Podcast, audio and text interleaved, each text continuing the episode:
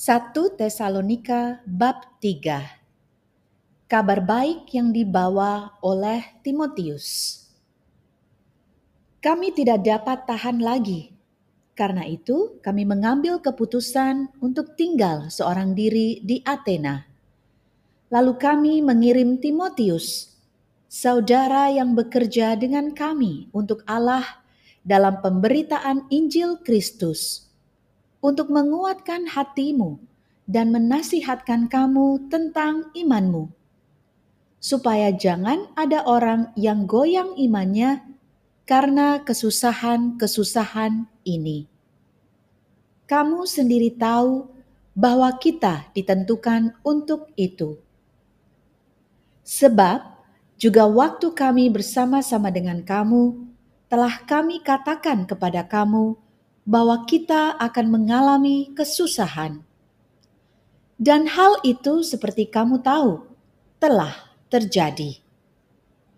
Itulah sebabnya, maka aku karena tidak dapat tahan lagi, telah mengirim dia, supaya aku tahu tentang imanmu.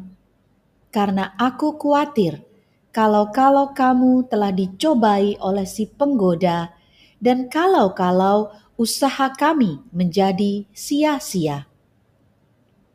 Tetapi sekarang, setelah Timotius datang kembali dari kamu dan membawa kabar yang menggembirakan tentang imanmu dan kasihmu, dan bahwa kamu selalu menaruh kenang-kenangan yang baik akan kami, dan ingin untuk berjumpa dengan kami, seperti kami juga ingin untuk berjumpa dengan kamu maka kami juga, saudara-saudara, dalam segala kesesakan dan kesukaran kami, menjadi terhibur oleh kamu dan oleh imanmu. Sekarang kami hidup kembali, asal saja kamu teguh berdiri di dalam Tuhan. Sebab ucapan syukur apakah yang dapat kami persembahkan kepada Allah atas segala sukacita yang kami peroleh karena kamu di hadapan Allah kita. Siang malam kami berdoa sungguh-sungguh supaya kita bertemu muka dengan muka dan menambahkan apa yang masih kurang pada imanmu.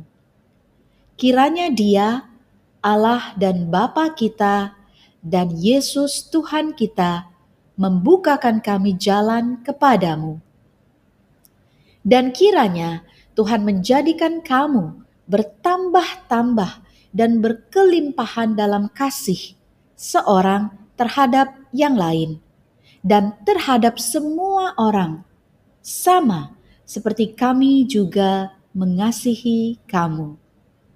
Kiranya Dia menguatkan hatimu supaya tak bercacat dan kudus di hadapan Allah dan Bapa kita pada waktu kedatangan Yesus Tuhan kita dengan semua orang kudusnya.